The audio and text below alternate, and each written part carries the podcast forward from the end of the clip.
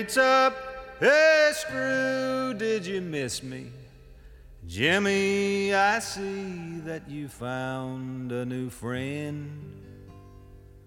Warden, come down here and kiss me hello, cause I'm back home in Huntsville again. Welkom bij de Prison Show, het programma over delict, straf, herstel en terugkeer. Oprecht, onafhankelijk en baanbrekend.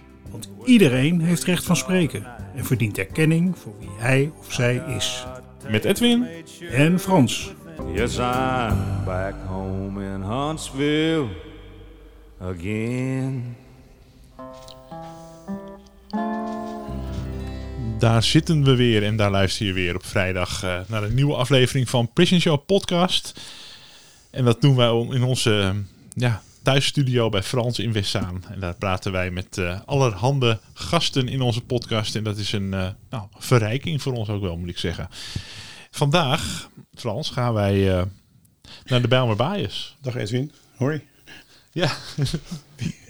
Ehm, want ik ga onze gasten voorstellen. Niels van der Assen en Daphne Dupont-Nivet. Zij zijn freelance onderzoeksjournalisten. In de Hechtenisclub beschrijven zij vanuit talrijke invalshoeken, maar vooral aan de hand van het ontstaan en het verdwijnen van de Bijlmer naar de manier waarop men naar de gevangenis keek en nog steeds kijkt. Het is een heerlijk boek geworden met veel kleurrijke mensen en eh, vol mooie verhalen. Een feest, zeker voor de mensen die in de Bijlmer hebben gewerkt of er anderszins bij betrokken waren. Dus bijvoorbeeld voor mij, hè, want ik heb in de Bijlmerbaaiers gewerkt, was het heel erg leuk om, eh, om het boek te lezen. En ik vond het ook een eer om eh, van tevoren ook af en toe in gesprek te zijn eh, over eh, het boek en jullie enigszins te ondersteunen. Aan het woord komen de bewaarder, de architect, de activist, de vertaler, de voortvluchtige, de minister en de desperado. Dus dat zijn, je hoort het al, buitengewoon interessante invalshoeken. En tenslotte talloze betrokkenen en deskundigen die hun licht laten schijnen op het gevangeniswezen. Daphne en Niels, hartelijk welkom in de Prison Show. Dankjewel. Welkom. Leuk dat jullie er zijn. Ehm, om te beginnen, waarom en voor wie hebben jullie dit boek geschreven? Eh, ja, eh, ten eerste ook heel leuk dat wij, eh, dat wij er mogen zijn. We hebben inderdaad heel veel gehad aan de gesprekken die we met je hebben gehad. Frans. Dus bedankt. Ehm, nou, het is eigenlijk best wel organisch ontstaan. We wisten eigenlijk helemaal niks van dit onderwerp. We hebben geen criminologie-achtergrond of iets dergelijks. Ehm, en wisten heel weinig over, over misdaad en straf in Nederland. Ehm, maar zijn eigenlijk een beetje vanuit een ander interessegebied ingerold. Niels en ik hebben samen gestudeerd, alweer een hele tijd geleden. Ehm, en eh, deden eh, taal- en cultuurstudies. Dat is een, eh, een studie met heel veel geschiedenis, heel veel taal en ook politiek. En we waren allebei ook heel geïnteresseerd in conflict studies. Dus eigenlijk wat doet de maatschappij in de nasleep van een oorlog of van een, een conflict. Alleen wij keken daarbij altijd heel erg naar het buitenland. Niels heeft een tijdje in, in Tanzania gewoond. Ik heb op verschillende plekken gewoond. Dus we keken dan naar landen als Zuid-Afrika, naar de apartheid of voormalig Joegoslavië. En heel erg met de vraag centraal van wat doet de maatschappij nou met de mensen die die maatschappij kwaad hebben aangedaan. Ehm, en nou na al die omzwervingen kwamen we allebei weer in Amsterdam terecht. En eh, besloten dat het heel leuk zouden vinden om daar te gaan onderzoeken en te gaan schrijven. En ehm, toen zijn we eigenlijk langzaam dat onderwerp, dus wat doet de maatschappij met mensen die de maatschappij hebben aangedaan, zijn we wat meer eh, op, het, eh, op het hier, het dichtbij gaan toepassen. En zo kwamen we op de Belmerbijen. Um, Ja. Dus het is best wel een, een, lang, een lang proces geweest, maar het bleek een heel erg fascinerend onderwerp. Wat een interessante Ja. aanvliegroute. Ja, Ja, en eh, eigenlijk hoe, hoe meer we ons in de Bijlmerbaaiers gingen verdiepen, zoals het met, eh, met eh, wel meer onderwerpen gaat, eh, hoe sterker die fascinatie werd. Want eh, we kennen natuurlijk de Bijlmerbaaiers wel van, van verhalen. En het is bij uitstek een, een, een bias die nou ja, door een zekere mystiek eh, en ook wel romantiek wordt omgeven. We kennen de anekdotes over ontsnappingen, over gijzelingen, over concerten, dat Herman Brood er heeft opgetreden. Eh, dat soort dingen wisten we wel. Maar wij wilden eigenlijk nou ja, graag iets heel anders vertellen. Een soort, een soort ideeëngeschiedenis van wat is nou het idee achter die Belmenbaas geweest en het ideaal. Ehm, en hoe heeft het denken over misdaad en straf uh, zich ontwikkeld in de jaren dat die bias er was? En, en wat betekent het dat die gebouwd is en wat betekent het dat die gesloopt is eigenlijk? Ja. Dus uh, nou ja, dat was, uh, dat was onze uh, aanvliegroute, zoals je zei. Ja, mooi. Ja. Hey, en um, um, hebben jullie nog nagedacht over voor wie jullie dit boek nou schreven, specifiek? Wie, wie zou het moeten lezen en wie zou het kunnen lezen? Iedereen mag het lezen natuurlijk. Ja, nou, we, hebben, we hebben eigenlijk geprobeerd om ja, toch, toch wel een zo breed mogelijk publiek uh, te interesseren. En, en wat daarbij misschien ook hielp, is dat wij zelf natuurlijk nou ja, ook geen, geen experts uh, waren. Steeds niet zijn, maar dat, dat, uh, we konden het een beetje met een open, met een open blik tegemoet treden. En um, nou, het gevangeniswezen is natuurlijk een, een thema waar iedereen wel een, een mening over heeft.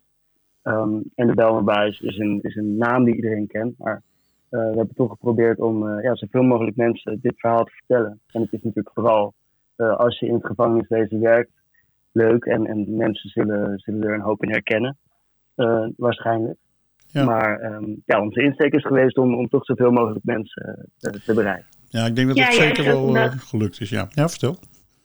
Ja. Nee, juist, juist ook omdat uh, veel mensen zoals wij, die er eigenlijk zo weinig van weten, um, ik weet niet, we wilden dat ook een beetje overbrengen. Van, er zijn heel veel mensen die uh, niet goed mee kunnen in de maatschappij. Er zijn ook veel mensen die in detentie hebben gezeten, maar heel veel mensen weten er eigenlijk ook niks van af. Um, en juist om het dus een beetje voor een, een best wel breed publiek te schrijven, uh, hopelijk ja, eigenlijk die thematiek ook wat interessanter te maken voor veel mensen. Ja, ja en, en ik denk dat de Bijlmer is ook, uh, en daar zeggen jullie al iets over, uh, in, de, in het bewustzijn van de, van de meeste Nederlanders wel, wel iets betekent. Het is een beetje iconisch, hè? want als je naar Amsterdam gaat, kom je daar langs, hè? Die, die flats die, die, die iedereen wel kent. En wat, uh, wat mij ook opgevallen is, in de tijd dat de Bijlmerbaaiers open is, en ik dus ook in het gevangeniswezen werkte, was dat als het maar enigszins over gevangenissen ging, dan kwamen altijd de foto's van de Bijlmerbaaiers voorbij. Hè? Het stond min of meer symbool, leek het wel, voor het gevangeniswezen. Die, uh, die baaiers. Uh, kregen in ieder geval ook verreweg de meeste aandacht in de, in de media. Um, ja, klopt. Ja, wel de bekendste gevangenis van uh, Nederland. Precies, ja. precies. Ja. Jullie hebben ontzettend veel uh, gereisd, moet haast wel. Want je hebt ongelooflijk veel mensen uh, gesproken en ontmoet.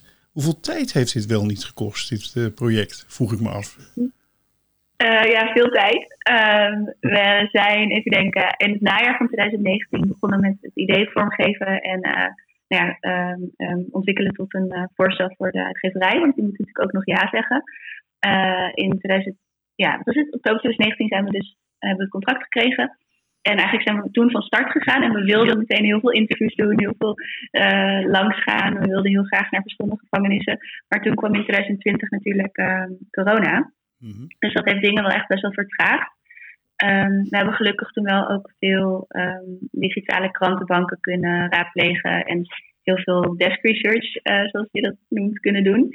Um, maar we wilden ook wel echt juist die, die gesprekken op de grond doen en echt naar gevangenissen toe. Dus dat heeft, uh, ik denk, uh, ja, ertoe geleid dat we, denk ik, dit voorjaar ook nog heel veel hebben gedaan uiteindelijk.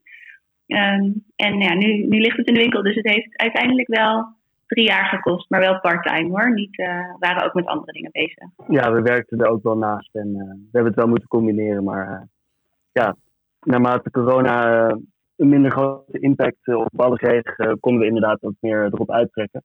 En echt bij mensen thuis uh, nou, ingestrekt gaan. Want dat is wel echt iets, iets toegevoegd aan het hele onderzoek, denk ik. Ja, ja denk ik ook hoor. Hey, jullie hebben uh, talloze mensen gesproken over de Bijbelbaaiers. Heel breed. Um, hebben jullie daar een enigszins consistent beeld uh, van gekregen? of juist niet? als, je, als je zou willen schetsen, wat is die Bijlmerbaaiers nou eigenlijk? Wat voor lijn ja. uh, kan je daarin ontdekken? Dus, dat, is, dat is een goede vraag. Ik, um, we, hebben, we hebben er even over nagedacht. En uh, ook, ook, tijdens het schrijven natuurlijk. En het, het beeld bij ons vooral toch wel naar voren kwam, is dat iedereen die, die er werkte, uh, toch wel heel erg geloofde in, in de idealen van de Bijlmer Zoals in het begin zeker sterk naar voren kwamen. Dus ze geloofden heel erg in, in het progressieve en in het zoveel mogelijk nou ja, vrijlaten van mensen in gevangenschap. En het heel kritisch kijken naar, naar opsluiting als straf. Als iets wat je, wat je eigenlijk niet moet willen. Ehm, en van de, de, vraag van hoe, hoe kunnen we het toch zo menselijk, zo humaan, zo aangenaam mogelijk maken. Maar ehm, die mensen hebben ook wel gemeen dat ze het erover eens zijn dat het niet helemaal gelukt is. Dus voor mhm. zover uh, de Bijlmerbuis een experiment genoemd kan worden, dat het experiment mislukt is. En mhm. dat de idealen eigenlijk de, de tand des tijds niet helemaal doorstaan hebben. Dus dat, dat viel ons wel op. Dat, uh, nou, de idealen waren absoluut aanwezig, maar uh, de kritiek op de idealen ook. Um, ja, dus dat, dat, dat vonden we wel fascinerend om te merken. Ja, en ik denk dat dat wel uh, enigszins een consistente lijn was, inderdaad. Maar wat wel heel interessant was om te merken, was dat er ook wel uh, strafrecht en, en gevangenishervormers van nu zijn, die juist ook kritisch zijn op dat beeld. Eigenlijk dat iconische, dat, dat, dat mythische beeld van de Belmer Bias. Uh, we spraken bijvoorbeeld met uh, Veronica Isha van Reskilled, die, die ken jij ook. En die zei meteen, nee, niet weer de Belmer Bias. Gaat, gaat het weer daarover? Omdat het, um, en dat vonden we wel heel grappig. Dat was voor ons wel een soort eye-opener, omdat het wel liet zien van, ja, zij zei, ja, eigenlijk was dat, was dat was natuurlijk wel bedoeld als beter, maar het was nog steeds hetzelfde idee. Het was nog steeds een massale gevangenis. Het was nog steeds het vastzetten van mensen uh, voor kleine vergrijpen. En zij zei, ja, uh, jullie moeten het misschien ook hebben over uh, echt andere manieren van nadenken over wat we moeten doen met mensen die niet goed meekomen in de maatschappij. Ja. Dus dat vond ik wel een interessante kritiek op die consistente lijn. Ja, die deel ik ook wel hoor, die kritiek. In de zin van, ik ben natuurlijk aan de ene kant ook gefascineerd door die tijd en door zo'n experiment als de Bijlmerbaar is. Op allerlei manieren. Maar um, ja, het is, het is, die tijd is voorbij. Hè? En um, het is ook goed om, uh, om, om, om daar kritische vragen bij te stellen. Hè? Um, ja, ja, interessant. Sinds het eerste ontwerp hè, van de Bijlmerbaaiers door het echtpaar Pot is de visie op mens en samenleving. En uh, ja, via Veronique uh, komen we daar ook op. En dus ook de gevangenis behoorlijk veranderd. Hè? Uh, wat voor rode lijnen zie je daarin door de tijd heen? Hoe, hoe is dat veranderd sinds, sinds het echtpaar pot, zeg maar? Nou, het is, um, het is eigenlijk door een, iemand die wij ook gesproken hebben voor het boek, Jan van den Brand. Dat is een, een oude directeur die, ja die jij vermoedelijk ook kent, die, die lang in de Belmenbaas gewerkt heeft. Die, die zei het heel mooi. Dat er in de Belmenbaas eigenlijk voortdurende evenwichtsoefening gaande was. Tussen het bejegenen en het vrijlaten aan de ene kant. En toch wel door de jaren heen, door de decennia heen, steeds meer een nadruk op toch het klassieke insluiten en het klassieke beveiligen. Ja. dus de rode lijn is eigenlijk dat, um, dat um, naarmate de tijd vorderde, uh, ontsnappingen een steeds groter probleem werden. Um, wat, wat eigenlijk de rest ondergroef. Want daardoor moest er een, een, grotere focus komen op, op het insluiten van gedetineerden, op het binnenhouden. Um, en dat is waardoor de Bijlmerbaai eigenlijk toch steeds meer op een klassieke gevangenis ging lijken. En dat is iets wat ook wel uh, bijval vond in de maatschappij. Dus in, de, in de jaren zeventig werd natuurlijk um, het, uh, het individu nog gezien als, als nou ja, iemand die, die um, was afgeweken van het rechte pad. En de maatschappij was eigenlijk medeschuldig aan, nou ja, aan wat, er, wat er met iemand gebeurde. Ja. Um, en, door, en richting de jaren tachtig ging dat eigenlijk steeds meer omdraaien. Ja. Dus de crimineel is een gevaar voor de maatschappij in plaats van andersom. Ja. Um, ja. En daar heeft de bias ook wel uh, echt last van gehad. En de idealen met name.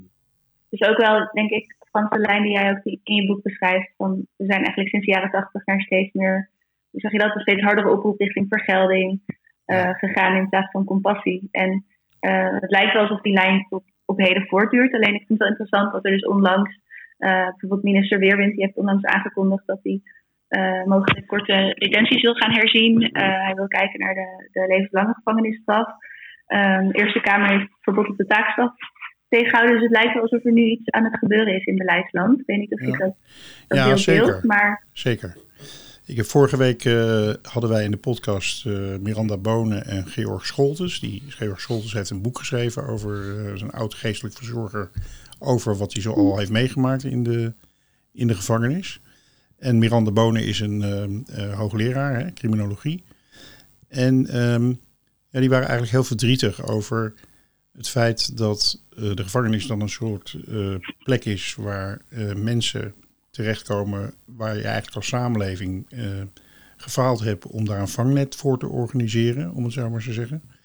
En um, eigenlijk zeggen van um,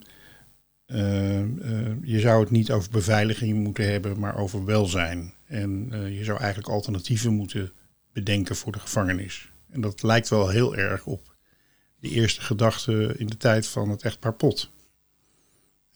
Ja. Dus eigenlijk dat je maatschappelijke ja, verantwoordelijkheid neemt voor de mensen, terwijl het nu alleen maar ja, de individuele verantwoordelijkheid is van uh, deze mensen die uh, eigenlijk de schuld moeten dragen voor wat er in de samenleving allemaal misgaat, om het zo maar te zeggen.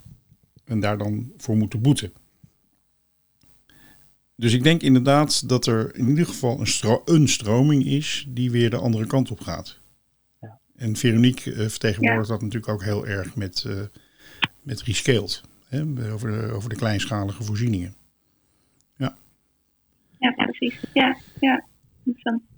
Nou uh, komen jullie van buiten het gevangeniswezen. Hè? Jullie zijn geen deskundigen, zoals je zelf zegt. Um, zijn jullie ook zaken tegengekomen die voor jullie nieuw uh, en opmerkelijk of zelfs zeer verbazingwekkend waren? Waarvan je echt dacht van nou, dat is, daar gaat ineens iets, een werkelijkheid voor me open, dat had ik nooit vermoed dat dat zo zat. Mm. Ja, zoals we al zeiden, heel veel dingen waren natuurlijk uh, nieuw voor ons. Maar um, een van de, de, dingen die, we, die, we, um, ja, die ons wel echt verbaasde was uh, dat er zo breed werd geprotesteerd tegen de Belmer bias. Al uh, echt al in het begin eigenlijk, nog voordat de gevangenis zelfs open was. Mm -hmm. um, en eigenlijk echt dat hele sterke geluid vanuit de samenleving in de jaren zeventig. Van inderdaad, wat Niels net ook al aanstipte, van de maatschappij heeft het gedaan. Mensen die criminele daden doen, die zijn daar een soort van toegedreven door, door de omstandigheden. Dat dat zo sterk was, dat er echt talloze actiegroepen waren die tegen de uh, in opstand kwamen. Die probeerden de bouw tegen te houden. Die um, het, het uh, schetste als een, een massale, totalitaire achtige aangelegenheid. dat deed denken aan de Stamheim strafgevangenis in Stuttgart. Mm -hmm. um, en we wisten wel dat er, dat er wat protest tegen was. Want dat, dat hebben we ook wel gezien in um, ja, gewoon de verhalen die nu nog steeds rondgaan over de Belmer Bias. Maar in oude krantenartikelen en ook in oude documenten die we in de archief hebben gevonden kwamen tegen dat het zo uh, wijdverbreid was. En dat, um, dat wisten we niet. En dat vond ik heel interessant. Er is ook echt een, uh, een heel hoofdstuk aan gewijd in het boek. Dat heet de activist. En dat gaat eigenlijk, tegen, uh, gaat eigenlijk over um, de activisten die zich dus tegen de, de keren in die vroege jaren.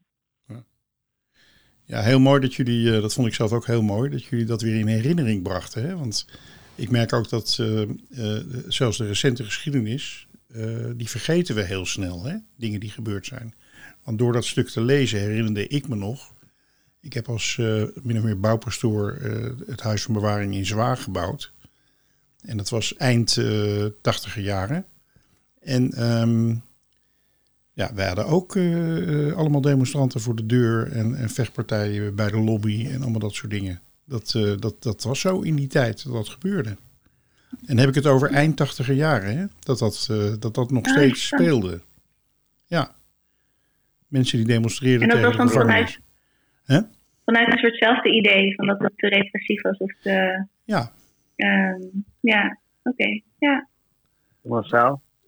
Ja. Vrij massaal. Het heeft ook uh, uh, uh, daar waar, ook in Nederland, maar ook over de hele wereld, zeg maar het strafrecht steeds repressiever werd, zeg maar. Hè? Want de criminaliteitscijfers stegen en allemaal dat soort dingen. Dus dan krijg je ook in Amerika bijvoorbeeld veel strengere wetten.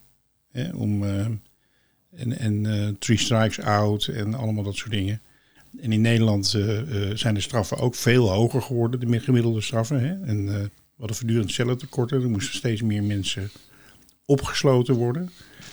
Um, maar het bijzondere aan Nederland is dat uh, naast die repressieve beweging er ook toch een vrij sterke stroming altijd was die voor alternatieve sancties was bijvoorbeeld. En voor enkelbanden en allemaal dat soort dingen. Dus dat is echt wel een verschil met een heleboel andere landen waar alleen maar de gevangenispopulatie groter werd. En in Nederland uh, bleven we gewoon eh, eh, eh, alternatieve sancties uitvoeren. Waardoor eigenlijk de impact eh, veel minder ernstig was in, als in heel veel andere landen. Waarbij overigens ook het feit dat in Nederland de privatisering niet doorzetten een tijd lang eh, eh, geholpen heeft. Hè? Om, om wat minder die repressieve kant op te gaan. Ja, dat kan ik me voorstellen inderdaad. Maar interessant dat, het ook nog, dat die protesten ook nog zo sterk waren in de jaren tachtig. Kan ik Ja. me nu toch niet helemaal voorstellen. Maar goed, eh, ja.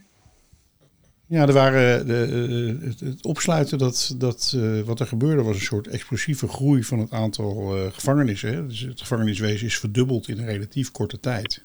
Ja. Ehm, precies de tegenovergestelde beweging als die we nu zien. En ehm, ja, daar, daar, daar werd tegen geprotesteerd inderdaad. Ja. Ehm,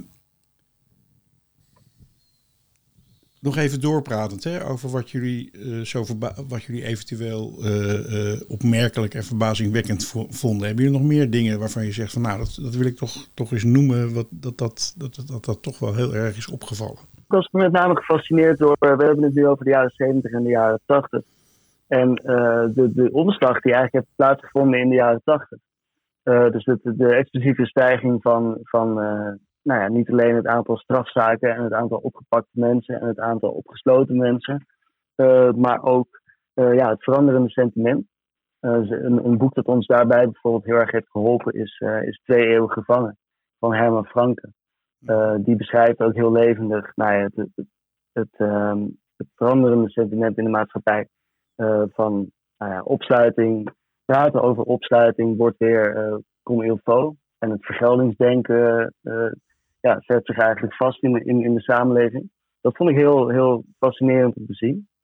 En wat me ook wel heel erg gegrepen heeft, is, is het verhaal van, eh, van Brandon Quinn. Dat is een, een, eh, een Ierse Ja, een Ierse bankrover, een Ierse gevangene, die, zo vlucht, die zo vluchtgevaarlijk was.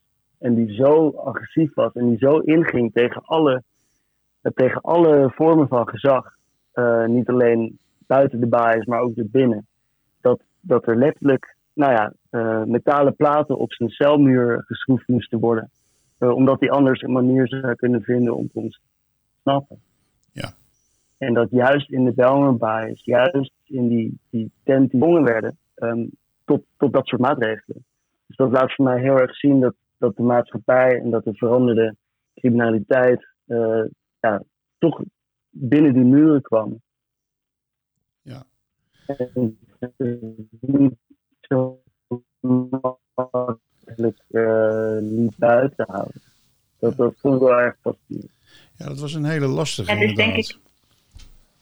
Ja, vertel, eh Daphne. Nee, ik wilde, ik wilde alweer over een andere fascinatie beginnen. Maar als je hier Nou, nog nog heel even wil eh, over, eh, over Ja. Quinn, want die heb ik ook gekend. Want ik werkte ook in de Bijlmerbaaiers toen hij daar eh, Oh, echt joh? Ja. Ehm, ja, misschien goed Ja, om, ja. om een parallel te trekken met Mhm. bijvoorbeeld eh, wat er nu met bijvoorbeeld zo iemand als Taggi gebeurt. Ehm, kijk, wat je natuurlijk ziet is dat de algemene gevangenispopulatie ehm, dat, dat, dat zijn niet eh, hele extreme desperado's. Dat zijn vaak mensen met allerlei eh, die niet helemaal lekker eh, in de samenleving gaan op basis van een verslaving of dingen die ze meegemaakt hebben of een verstandelijke beperking bijvoorbeeld, wat dan heel veel mensen hebben. En je hebt een heel, heel klein groepje, en dat is echt een heel klein groepje, die heel extreem zich gedragen, ook binnen de gevangenis. Het zij vanwege hun persoonlijkheid, omdat ze gewoon een, een ongelofelijke desperado zijn, of omdat ze heel veel macht hebben in de criminele wereld bijvoorbeeld. Hè, waardoor ze gewoon ook binnen een, een, een bepaalde invloed kunnen uitoefenen. Ehm, wat je ziet is, en daar moet je ontzettend voor uitkijken vind ik, is dat op het moment dat, dat dit soort mensen eh, dingen doen, zoals gijzelingen of iedereen bedreigen of dat soort dingen, dat er een soort natuurlijke reactie is om te freezen met z'n allen. Weet je wel, kijk eens wat hier gebeurt. Eh, iedereen wordt bang, iedereen doet een stapje terug. En eigenlijk ehm, is het veranderkundig uh, buitengewoon onverstandig om dan maatregelen te nemen. Eigenlijk moet je gewoon echt ehm, eh, eh, heel rustig afwachten van wat betekent dit nou precies. En eh, voordat je gaat reageren, want anders maak je voor de hele populatie en in de hele sector maak je, maak je de boel, eh, eh, zet je de boel op scherp. En maak je in feite ook onveiliger. Hè? Want wat is nou fijner voor iemand die, eh, die, die heel boos is, als iedereen bang voor hem wordt. En dus je maakt hem er heel erg groot mee. En dat gebeurde rond, rond deze meneer, gebeurde dat ook, meneer Quinn. Hè? Het was eigenlijk iemand die binnen het penitentiaire systeem, eh, om binnen te houden bijvoorbeeld, was natuurlijk helemaal niet moeilijk. Je moest wel vrij ver gaan in het hem beperken, zodat iedereen veilig kon zijn. Maar eigenlijk is een ja, penitentiair systeem bij uitstek geschikt om dat te doen. Ehm, wat, veel, eh, wat veel meer impact heeft, is de reactie van iedereen op zo, op zo iemand, zeg maar. En ik vind dat jullie dat in het boek ook heel mooi, eh, mooi beschreven hebben, hoe dat eh, ging. En dat spreekt natuurlijk enorm tot de verbeelding. Dat iemand, eh, dat je extra platen tegen een celdeur moet, moet schroeven om, om iemand binnen te houden. Dat is, eh, dat, is, dat is natuurlijk wel heel mooi. Om dat, eh, om dat te Het is wel beschrijven. interessanter, want Ja, er is, er is wel. Nou, er, is, er is in de jaren negentig ook wel enigszins cynisch gezegd dat, dat eigenlijk de, de gedetineerden de architecten waren van de, van de extra beveiligde inrichtingen van de EBI.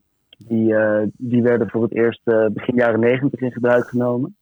Ehm, en ehm, dat is bij, bij Quinn natuurlijk helemaal zo.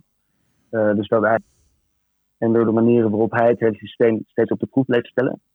Eh, dat, dat dat eigenlijk een hele belangrijke drijvende kracht is geweest achter, achter het ontstaan van de extra beveiligde inrichtingen. En eh, nou, in die zin is hij daar wel een eh, soort uithangbord van.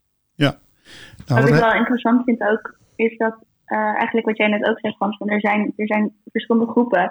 En als we het over de gedetineerde populatie hebben, dan, ehm, dan, dan doet dat, dat eigenlijk geen rechten aan. En dus dat, die oproep voor strengere straffen, dat is dan misschien gebaseerd op een paar, misschien ook een paar outliers. Maar er zijn nog heel veel andere mensen en die hebben er eigenlijk niks mee te maken. En dat is ook wel iets waar we eh, in het schrijven van het boek steeds tegenaan liepen. Van hoe moeten we dit nou omschrijven? Want ja, oké, er zijn veel ontsnappingen en er zijn gijzelingen, maar eh, ja, hoe kan het dan dat ehm, het hele beleid zeg maar, naar rechts verschuift, terwijl het misschien maar om een paar mensen gaat? Maar ja, je moet er ook iets mee doen. En dat is best wel vergelijkbaar, denk ik, inderdaad, nu met de situatie eh, met Tachi. Dat, dat het dus ook van, ja, oké, strenger en harder, terwijl er zitten ook zoveel andere mensen die helemaal er niks, eh, niet eens op lijken. Ja, en je kunt je afvragen in hoeverre Taki, penitentiair en Quinn, zelfs penitentiair, een groot probleem waren. Een, een, een, eh, oorzaak, oor- en of het, dan, of het dan aan hun gedrag lag, of dat het meer de reactie was van de politiek en van de media die bepaalde wat er gebeurde. Uh, Miranda Boner zei vorige week van ja, misschien komt het ook wel omdat dit soort incidenten en de criminaliteit een, een uh, een, een mooi platform zijn, een onderwerp zijn waar politici nog op kunnen scoren en media.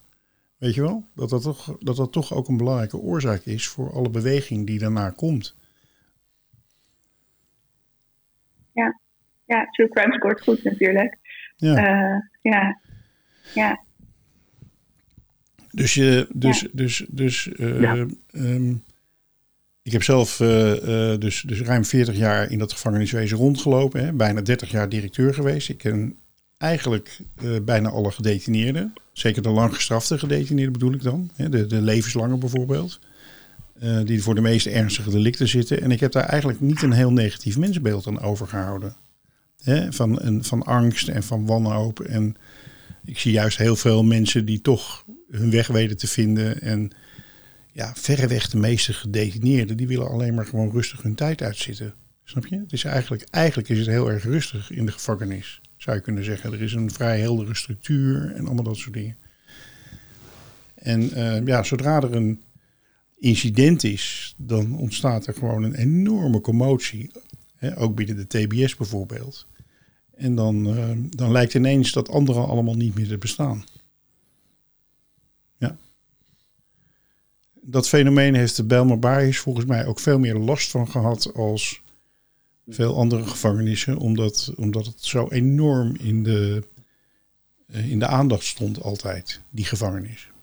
Je kon daar echt geen scheet laten of er was een personeelslid die anoniem een krant belde en dan had je weer de grootst mogelijke ellende tot en met eh, de Tweede Kamer aan toe, zeg maar. Kan ik me Ja, herinneren. ja, dat beeld, ja, dat beeld hebben we ook al gekregen hoor. Omdat er stond van alles in de kranten de hele tijd. We hebben allerlei dus oude kranten bekeken vanuit krantenbanken. En het ging inderdaad over ontsnappingen, over gijzelingen, over dit, over dat, over eh, hongerstakingen. Gewoon de hele tijd. Dat is een heel dankbaar onderwerp. Dat, maar goed, dat blaast natuurlijk misschien ook Ja. het wel een beetje op, de realiteit We, binnen. we, merkten, we merkten in de jaren negentig ook wel steeds, steeds meer een soort cynisme richting de Bijlmerbaais. Ehm toen, toen de ontsnappingen talrijker werden en, en eh, gewelddadiger werden, eh, klonk ook bijvoorbeeld in de kranten steeds meer de roep om tralies in de Bijlmerbaais. Dus hoe, hoe kan het eigenlijk zijn dat die tent nog steeds geen tralies heeft? Ja. Ehm, dat, dat werd eigenlijk met een soort hoongelach werd op de goed. Van waar zijn we beland als maatschappij dat dat nog steeds kan? Ja. En ehm, ja, dat, dat vond ik ook wel heel, heel treffend dat het, dat het echt, eh, echt cynisch werd op een gegeven moment. Ja, en ik denk ook heel erg door de. Want, want de gemiddelde Nederlander eh, is nog steeds mijn ervaring. Als je op een verjaardag zit, die, kan je heel goed uitleggen hoe dingen werken. Hè? En ook over eh, eh, dat het natuurlijk heel erg is wat sommige mensen doen hè, aan delicten. Maar die kan, daar kan je ook best wel over pra mee praten. Over de vraag van wat nou een effectieve manier is om daarop te reageren. Zodat, het, zodat de samenleving daar wat aan heeft, om het zo maar te zeggen. Eh, maar er is op een of andere manier een mechanisme waardoor eh, op het moment dat, dat er een beeld wordt geschetst van goh, er zitten gewone ramen in de gevangenis. Nou, het waren geen gewone ramen hoor, het waren echt kogelvrije, eh, of tenminste hele sterke gewapende vensters waren het. Ja, Maar dat er ineens een beeld ontstaat van ze hebben daar gewoon glas in de, in de gevangenis en daar kunnen ze gewoon doorheen, weet je wel. En dan is er Ja. niemand die, dan is er geen ja. houden meer aan en dan wordt er voor tientallen miljoenen wordt er aan tralies wordt er bevestigd, weet je wel, dat. ja, ja. ja, het was beveiligd inderdaad. Vijf lage alarmglas. Ja. Eh, ja. Dus. Hey, eh, tenslotte, eh, wat heeft dit project jullie zelf gebracht? Je bent drie jaar bezig geweest, behalve dat ik de indruk heb dat jullie gewoon een hele leuke samenwerking eh, gehad hebben. Met veel plezier samen eh, dit gemaakt hebben. Ja, zeker. Ja, het is, ehm, het is eigenlijk een, een onderwerp, nou zoals gezegd, waar we, waar we niks van afwisten. In het begin, of in ieder geval niet meer dan, niet meer dan gemiddeld. Ehm, en hoe meer we er, samen mee bezig waren. En die samenwerking was inderdaad, was inderdaad heel bijzonder en heel leuk. We, we kennen elkaar al lang. En hebben altijd samen graag iets willen schrijven, iets willen maken. En ehm, nou ja, toen het uiteindelijk dit onderwerp eh, werd, toen beseften we ook steeds meer hoe, hoe belangrijk het onderwerp is.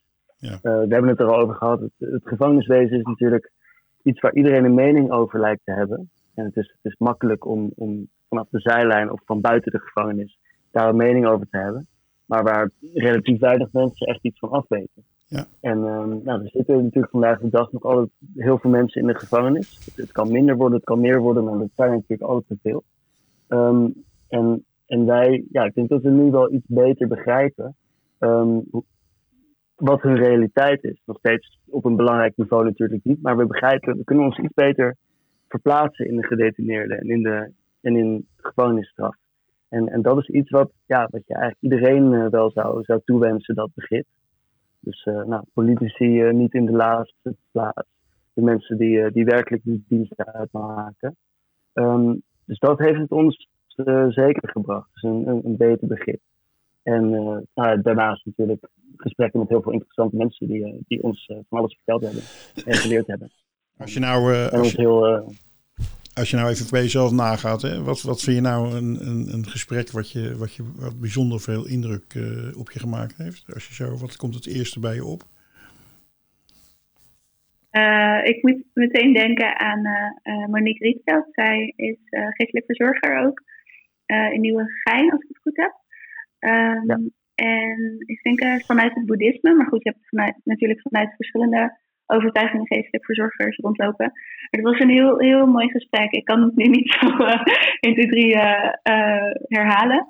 Maar ik weet niet, het was gewoon een hele, uh, ja, hele menselijke kijk op hoe dan om te gaan met die vier muren eigenlijk. En uh, nou ja, wat Niels al zei, dat hielp heel erg om, om een beter begrip te krijgen, maar ook om, om meer te kunnen verplaatsen van hoe is dat nou eigenlijk? Ja. En dat het voor ons toch echt bijna onvoorstelbaar is.